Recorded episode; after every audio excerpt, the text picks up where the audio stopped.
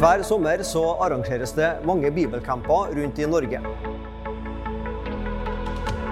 Men pga. koronasituasjonen er mange avlyst eller har blitt nedskalert. Så Derfor inviterer vi denne sommeren til en digital bibelcamping. Hovedtemaet gjennom alle møtene vil være sommerferie med og ikke fra Gud.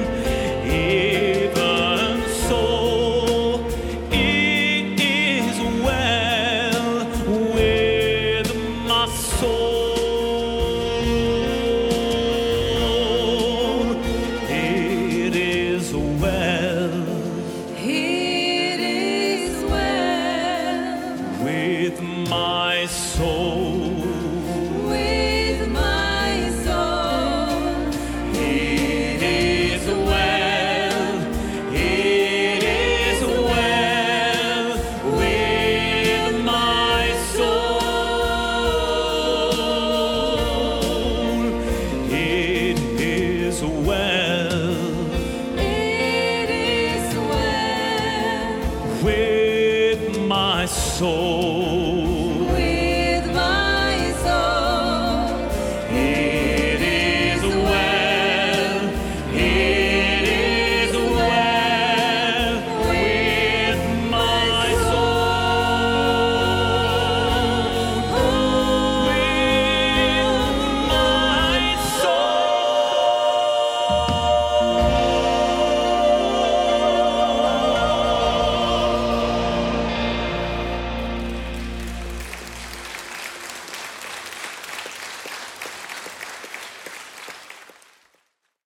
Velkommen til denne digitale bibelcampingen fra Norsk Luthersk Misjonsforbund og Norea Mediemisjon. Som åpning så kjente du kanskje igjen denne flotte salmen 'Det er vel med min sjel'.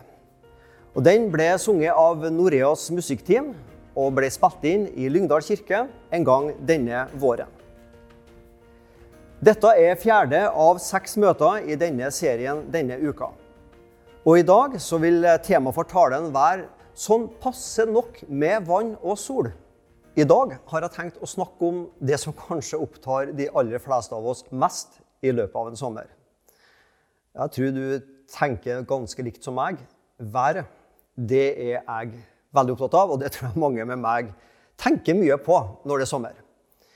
Eh, Hvis det hadde vært et norgesmesterskap i klikk på yr.no, storm og pent.no, eh, tror jeg kommer ganske høyt på den lista der. altså. Kanskje du også. Sommer, ferie og fridager. Ja, hva ønsker du deg da? Ja, vi ønsker oss sol og godt vær.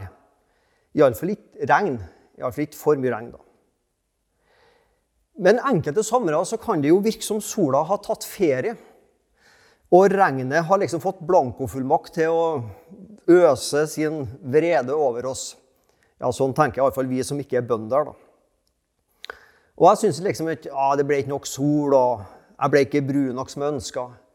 Men det er jo egentlig ikke noe stort problem, det jeg sa. Det er jo langt verre for bønder hvis det blir for lite eller for mye av sol eller av regn. Korn- og grønnsakåkre kan gjerne stå under vann eller svies vekk hvis det blir for mye sol, f.eks.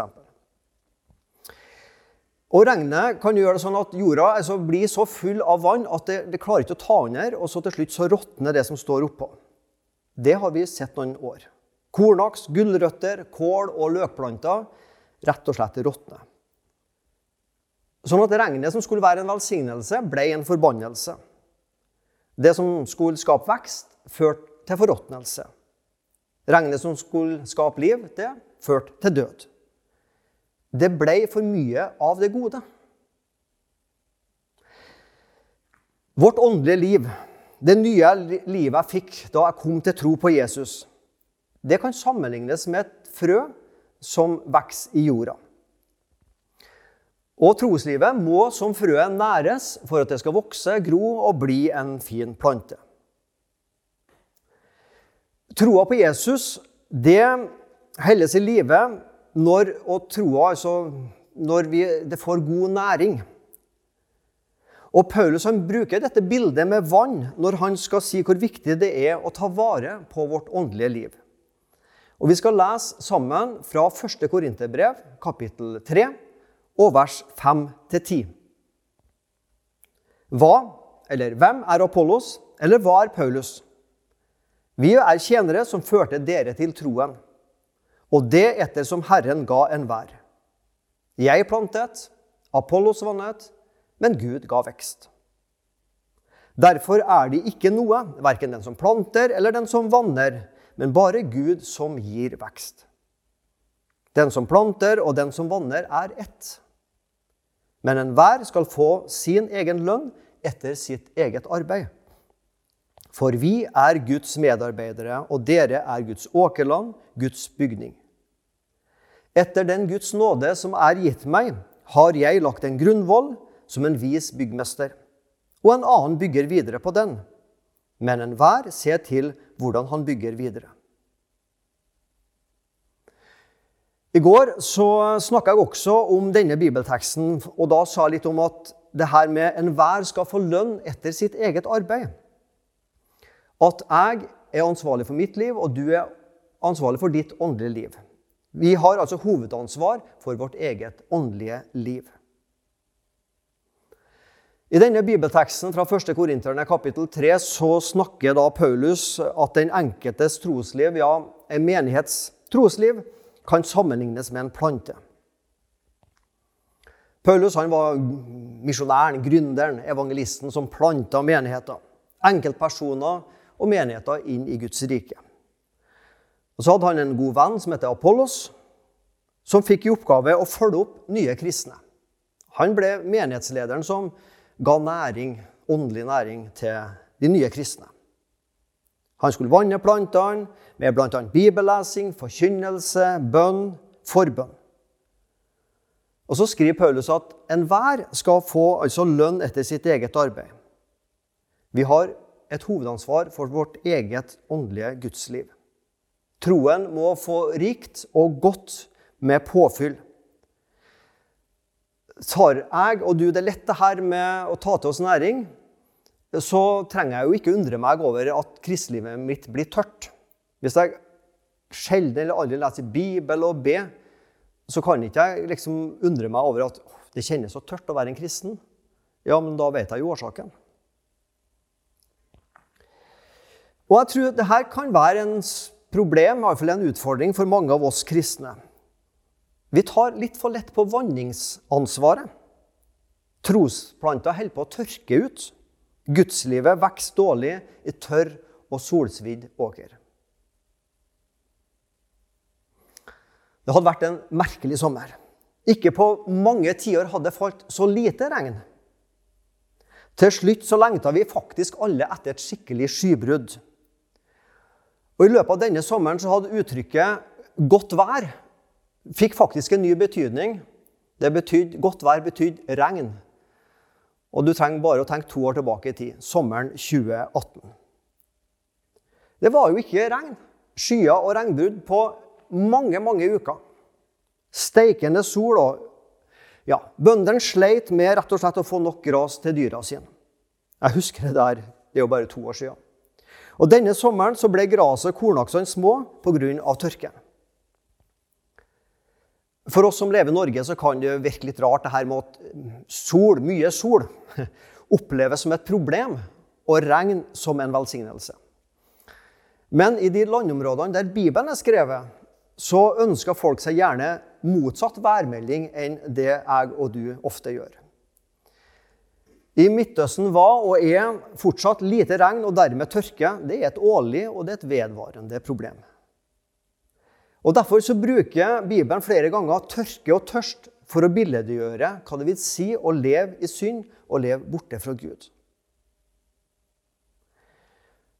Mange mennesker du og jeg som kristne møter, kan tenke at det, det, det å tro på Gud og Jesus og et liv med Gud, det er noe sånn tørre og kjedelige greier. Triste greier, det der. Et liv hvor jeg sjøl er min egen herre, ja, det virker derimot mer frodig og tiltrekkende. Nei, men for meg som kristen så oppleves det jo motsatt. Jeg merker at det å være påkobla Gud, det er som å åpne opp for levende vann, vannstrømmer, inn i mitt eget liv, som ofte er tørt. Det er jo aldri kjekt å oppleve tørke og problem å finne vann. Samtidig er det mennesket heldig som opplever tørsten etter Gud, lengselen etter mer av Jesus. Den som leter etter levende vann fra Gud, skal få svar. Skal finne og erfare at Gud kan skru på vannkrana. Et nytt og annerledes liv kan og vil fylle opp tørre og tomme liv. En tørr sommer lærer oss å sette pris på regnet. Har du opplevd Guds nærvær, vil du aldri lengte etter det tørre livet borte fra Gud. Men Gud, gi meg mer av ditt livgivende regn. Det tikka inn en SMS på mobilen min. og Det gjør det jo rett som det er på våre mobiler. Og En litt spesiell avsender denne gangen. Det var altså kommuneadministrasjonen i den kommunen jeg bor i, som sendte ut en tekstmelding til alle innbyggerne i kommunen. Og Der sto det at det var funnet E. coli-bakterier i drikkevannet. Sånn at eh, for en stund fremover, noen dager framover så måtte vi koke vannet før det kunne brukes til matlaging og til drikke. Hvis ikke så ville vi være utsatt for virus, bakterier, parasitter og alt mulig annet som vi ikke bør få i oss. Litt ekstra arbeid med å koke vannet før jeg kan bruke det, det er jo faktisk ganske lite problem. Det er ingen stor sak. Og Av og til så kan det være greit å sette ting i perspektiv. da. Hvis vi tenker på at flere hundre millioner mennesker utover jorda, sikkert kanskje milliarder, har lite eller ingen tilgang på rent drikkevann. Så det å kjøre vannet først gjennom tekokeren, og så la det avkjøle seg før det kunne drikke det, ja, det er egentlig ikke et problem i hele tatt. Jesus levde blant og talte til mennesker som erfarte at det å skaffe seg rent og klart vann, det krevde ekstra innsats. Vann uten farlige stoffer var et knapphetsgode. I Nye testamentet, Johannes kapittel 4, så er Jesus ute på vandring og kommer til en by i Samaria og møter der ei kvinne ved brønn midt på dagen. Og De kommer i samtale med hverandre, og hele den samtalen står altså i Johannes 4. Fantastisk 2000 år etterpå å lese en samtale mellom Guds sønn og denne kvinna. Og Her bruker altså Jesus bildet med vann og tørst for å fortelle hva han har å tilby denne kvinna. Johannes 4, vers 14-15. Men den som drikker av det vannet jeg vil gi, han skal aldri mer tørste.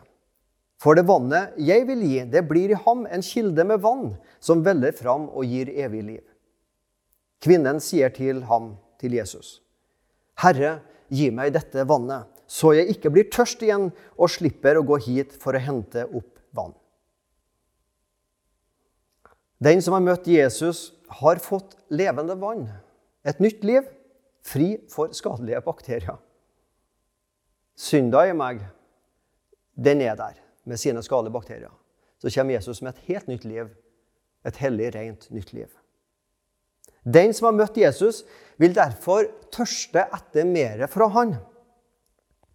Det vannet, det livet som produseres fra mitt eget indre, ja, det er altså full av syndens bakterier. Og fra vårt indre kilder så bobler og syder det fram egoisme og grums. Det vet vi hvis vi er ærlige mot oss sjøl. I Bibelen, i bønn, i lovprisning til Jesus, i dåpen, i nattverden, så, så sender Jesus et helt nytt liv til oss. Levende vann, kjemisk rent for skadelige stoffer. Guds kjærlige hjerte er kilden og opphavet til akkurat dette livet, som ikke fins i oss i utgangspunktet. Så Jesus gir meg mer av det vannet, det livet, som gjør at jeg ikke tørster lenger etter grumset fra mitt eget indre, men vil ha fellesskap med deg, Jesus. Som på mange områder i livet så er for lite eller for mye av noe det kan være problemer. For lite vann eller for mye vann. Vi elsker sol og varme, men altså sommeren 2018 lærte oss at for mange dager med steikende sol uten regn, det ødelegger avlingene. Og motsatt, for mye regn og livgivende vann, det kan drukne et spirende liv. Og det så vi jo sommeren før, i 2017. Det har du neppe glemt. Og tilbake i den sommeren 2017 som jeg jeg ut og gikk en dag og passerte en åker hvor løkplantene nesten sto under vann. Og det fikk meg altså til å gruble på det at det gode, det gode, altså vannet, noen ganger kan bli et problem. Og jeg tenkte, kan det skje at jeg får, altså i overført betydning, åndelig betydning, kan det skje at jeg får for mye av Bibel og bønn og liksom de åndelige sakene? Er hodet og hjertet allerede så fylt av kristentro at enda mer påfyll bare gjør at jeg ikke klarer å sette pris på Guds ord? Kan det være at noen kristne foreldre blir for ivrige med å gi barna kristen påfyll, slik at barn og ungdommen til slutt får kristentroa i halsen? Ja. Jeg er ganske trygg på at dette ikke er hovedproblemet i Kristen-Norge, at det blir for mye. Nei, jeg tror heller at det blir for lite er hovedproblemet.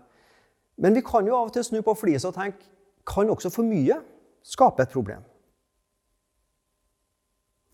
Jeg har i årenes løp møtt noen som vokste opp i gilde misjonshjemmer, bekjennende kristne familier, men som nå i voksen alder holder seg på lang avstand fra kirke og bedehus. Hvorfor? Ble det for mye møter og kristne aktiviteter? Ble påfyllet for massivt? Rammene som skulle ta imot den gode påvirkninga, ble for trange. Påvirkninga det, liksom, det ble altfor massivt. Og til slutt så råtna trosspiren, og det åndelige livet bare døde ut og forsvant. Jeg tror akkurat her så trenger ikke minst kristne foreldre visdom til å velge riktig mengde åndelige påfyll til barna. Og barn er forskjellige, det vet vi, og kan ta ting ulikt. Noen vil og kan klare mye. Andre kan altså stå i fare for å få rett og slett hele kristentroa i halsen. Det fins ingen fasit. Men jeg tror likevel det kan finnes noen gode råd som jeg har lyst til å sende med deg som forelder. Start tidlig med å lese fra en barnebibel til barnet. Ta dem tidlig med på møter, slik at de kan glede seg over å være i kirke og bedehus, leke og ha aktiviteter, at de blir glad i Guds hus. Send de unge på leirer og festivaler, hvor de møter andre barn og ungdom på sin alder og ser at jeg er jo ikke alene som kristen, men vi er jo ganske mange her i området eller i hele landet. Og ikke press barn til å være med på møter når du merker at lysten mangler veldig. Og ikke glem å be Gud om visdom, slik at du vet å bruke riktig mengde vann for å vanne den åndelige planten som barnet ditt er og har. Kjære Jesus, hjelp oss til å få riktig mengde vann og sol, slik at det blir en god åndelig plante som vokser. Minn oss på om å ta til oss god åndelig føde og eh, søke og tørste etter deg. Så vil jeg be ikke minst da for kristne foreldre om visdom til å gi riktig god mengde sol og vann til den åndelige planten som barnet deres er, slik at barna og ungdommen blir bevart i troa når de vokser opp. Amen.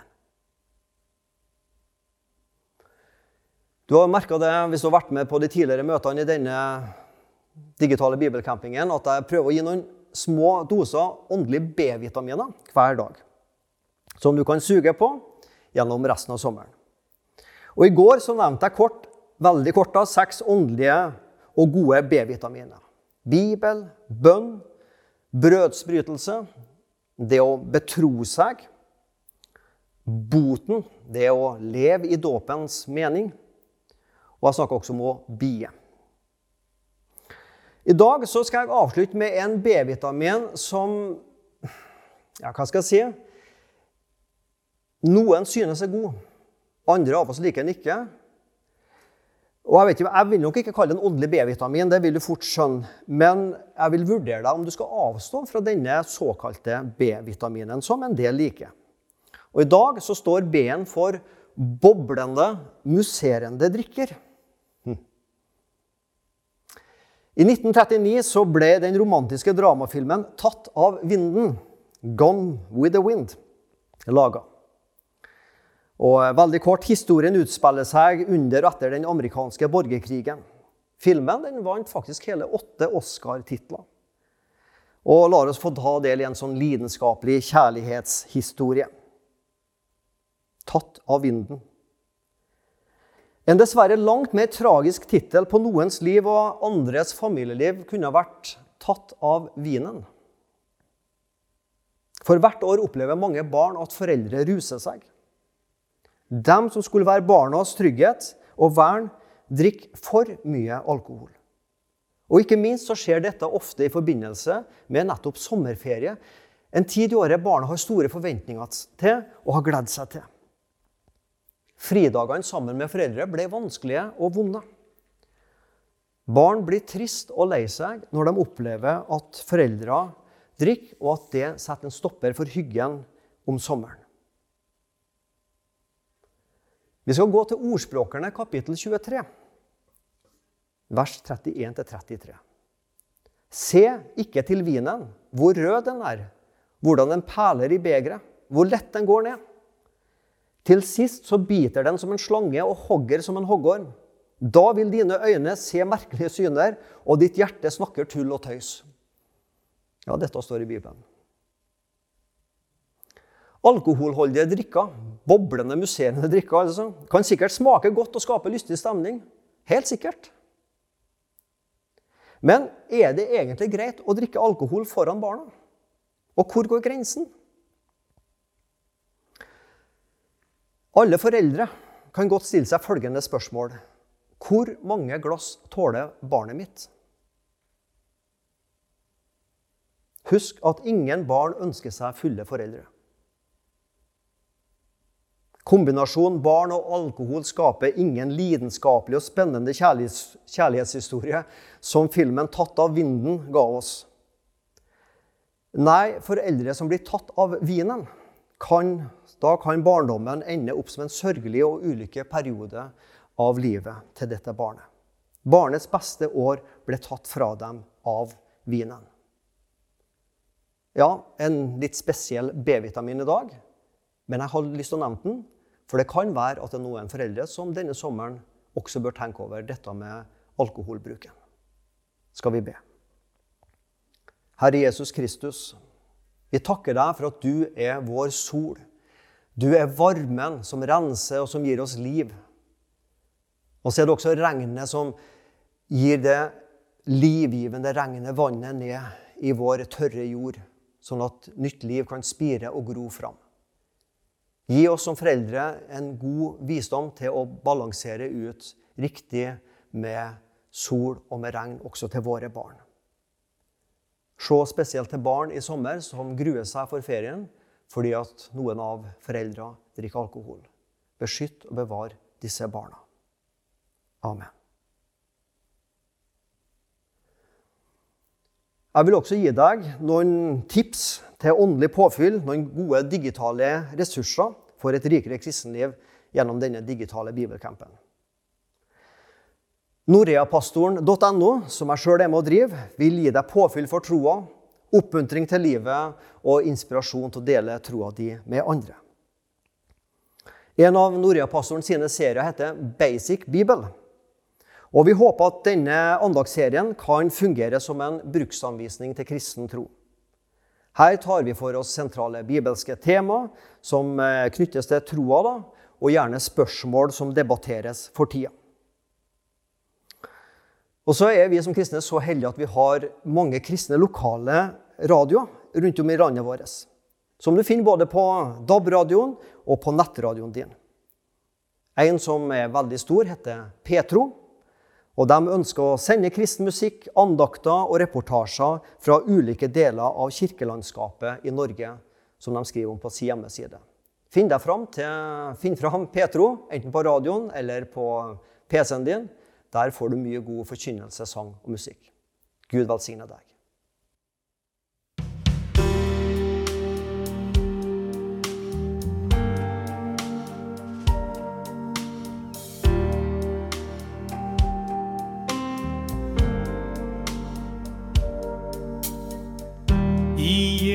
Jeriko en mann helt forslått. Han er blodig og mør av de spark han har fått. Med kjølige flir går folket forbi.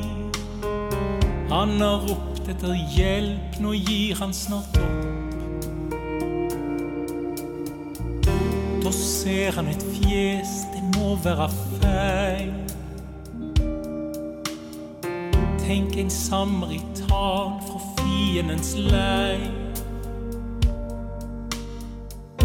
Han strekker ut ei hand mens han bøyer seg fram og tar til å vaske såret hans reint. Hvem skal gi hjelp til alle deg som trenger sno? Hvem skal gi hjelp til alle deg som ingen vil ha? Det trengs mer enn ord om et sår skal gro. Hvem skal vise det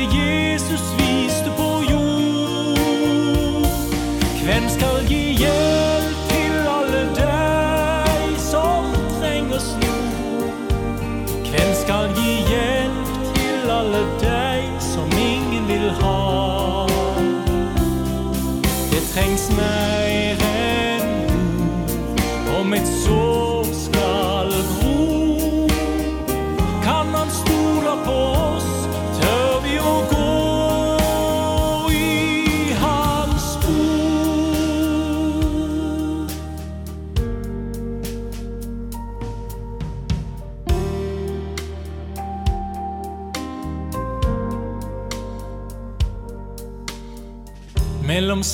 splinter og skuddlige ei jente og ber.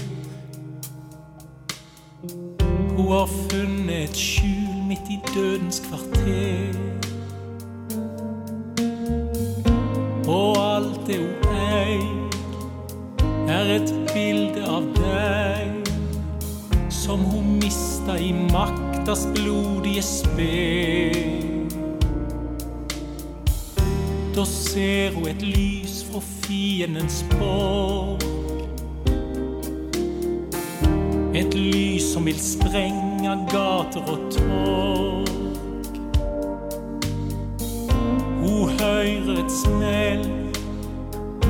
Alt rundt henne fell. Et varmt lite pust blir det siste farvel. Hvem skal gi hjelp til alle deg som trenger oss nå? Hvem skal gi hjelp til alle deg som ingen vil ha? Det trengs mer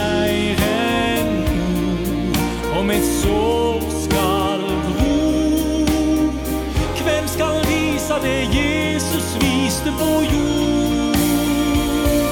Hvem skal gi hjelp til alle deg som trenger snor? Hvem skal gi hjelp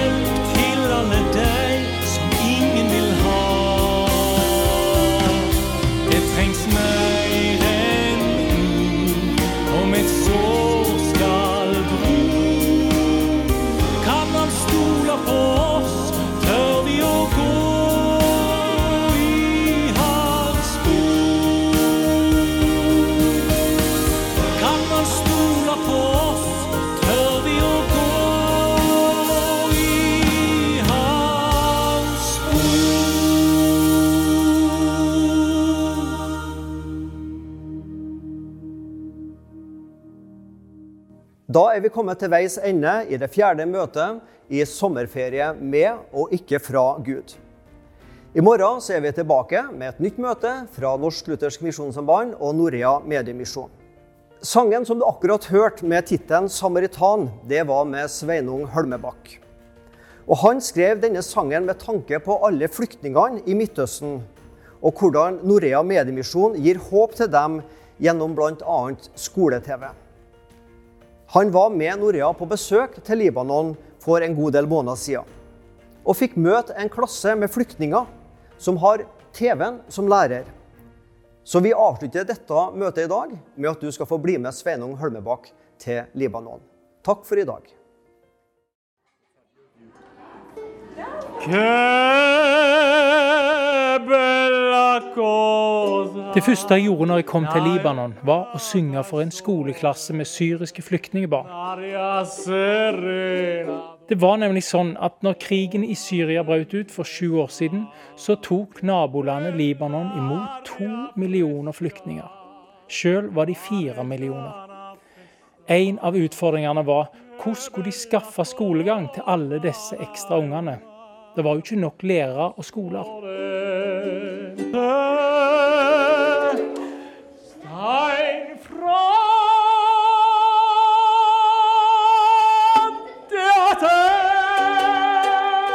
Og det er her Noreas TV-partner Sat7 Academy kom inn.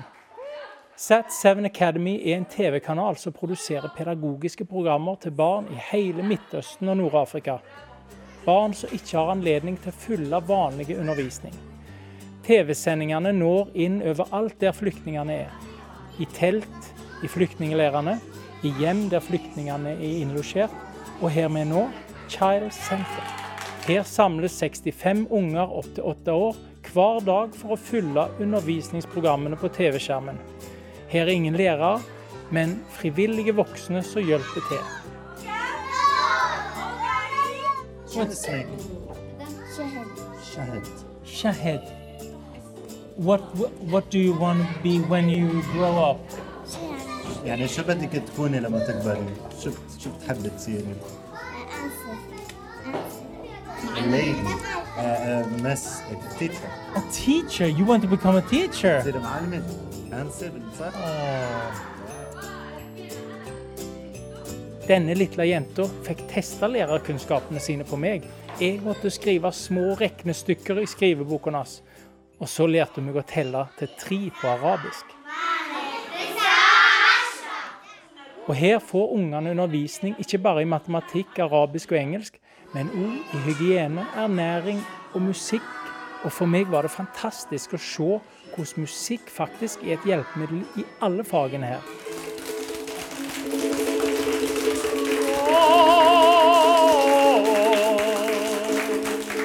Old MacDonald had a farm.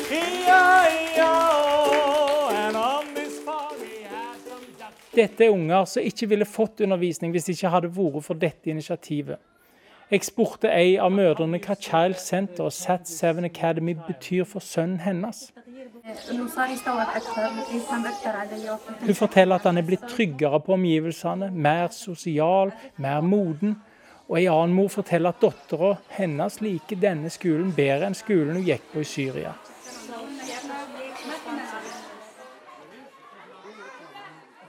Skoledagen er ferdig, og jeg tenker hva framtid møter disse ungene? Det er altfor utrygt for disse familiene å reise tilbake til hjembyen i Syria, sjøl om det er det de helst vil. Ventetida vil sannsynligvis bli lang. Heldigvis så fins dette tilbudet som er med å gi ungene et grunnlag å bygge livet på. Glem ikke det han har lova. Han vil bevare det. Hvil i den himmelske gåva.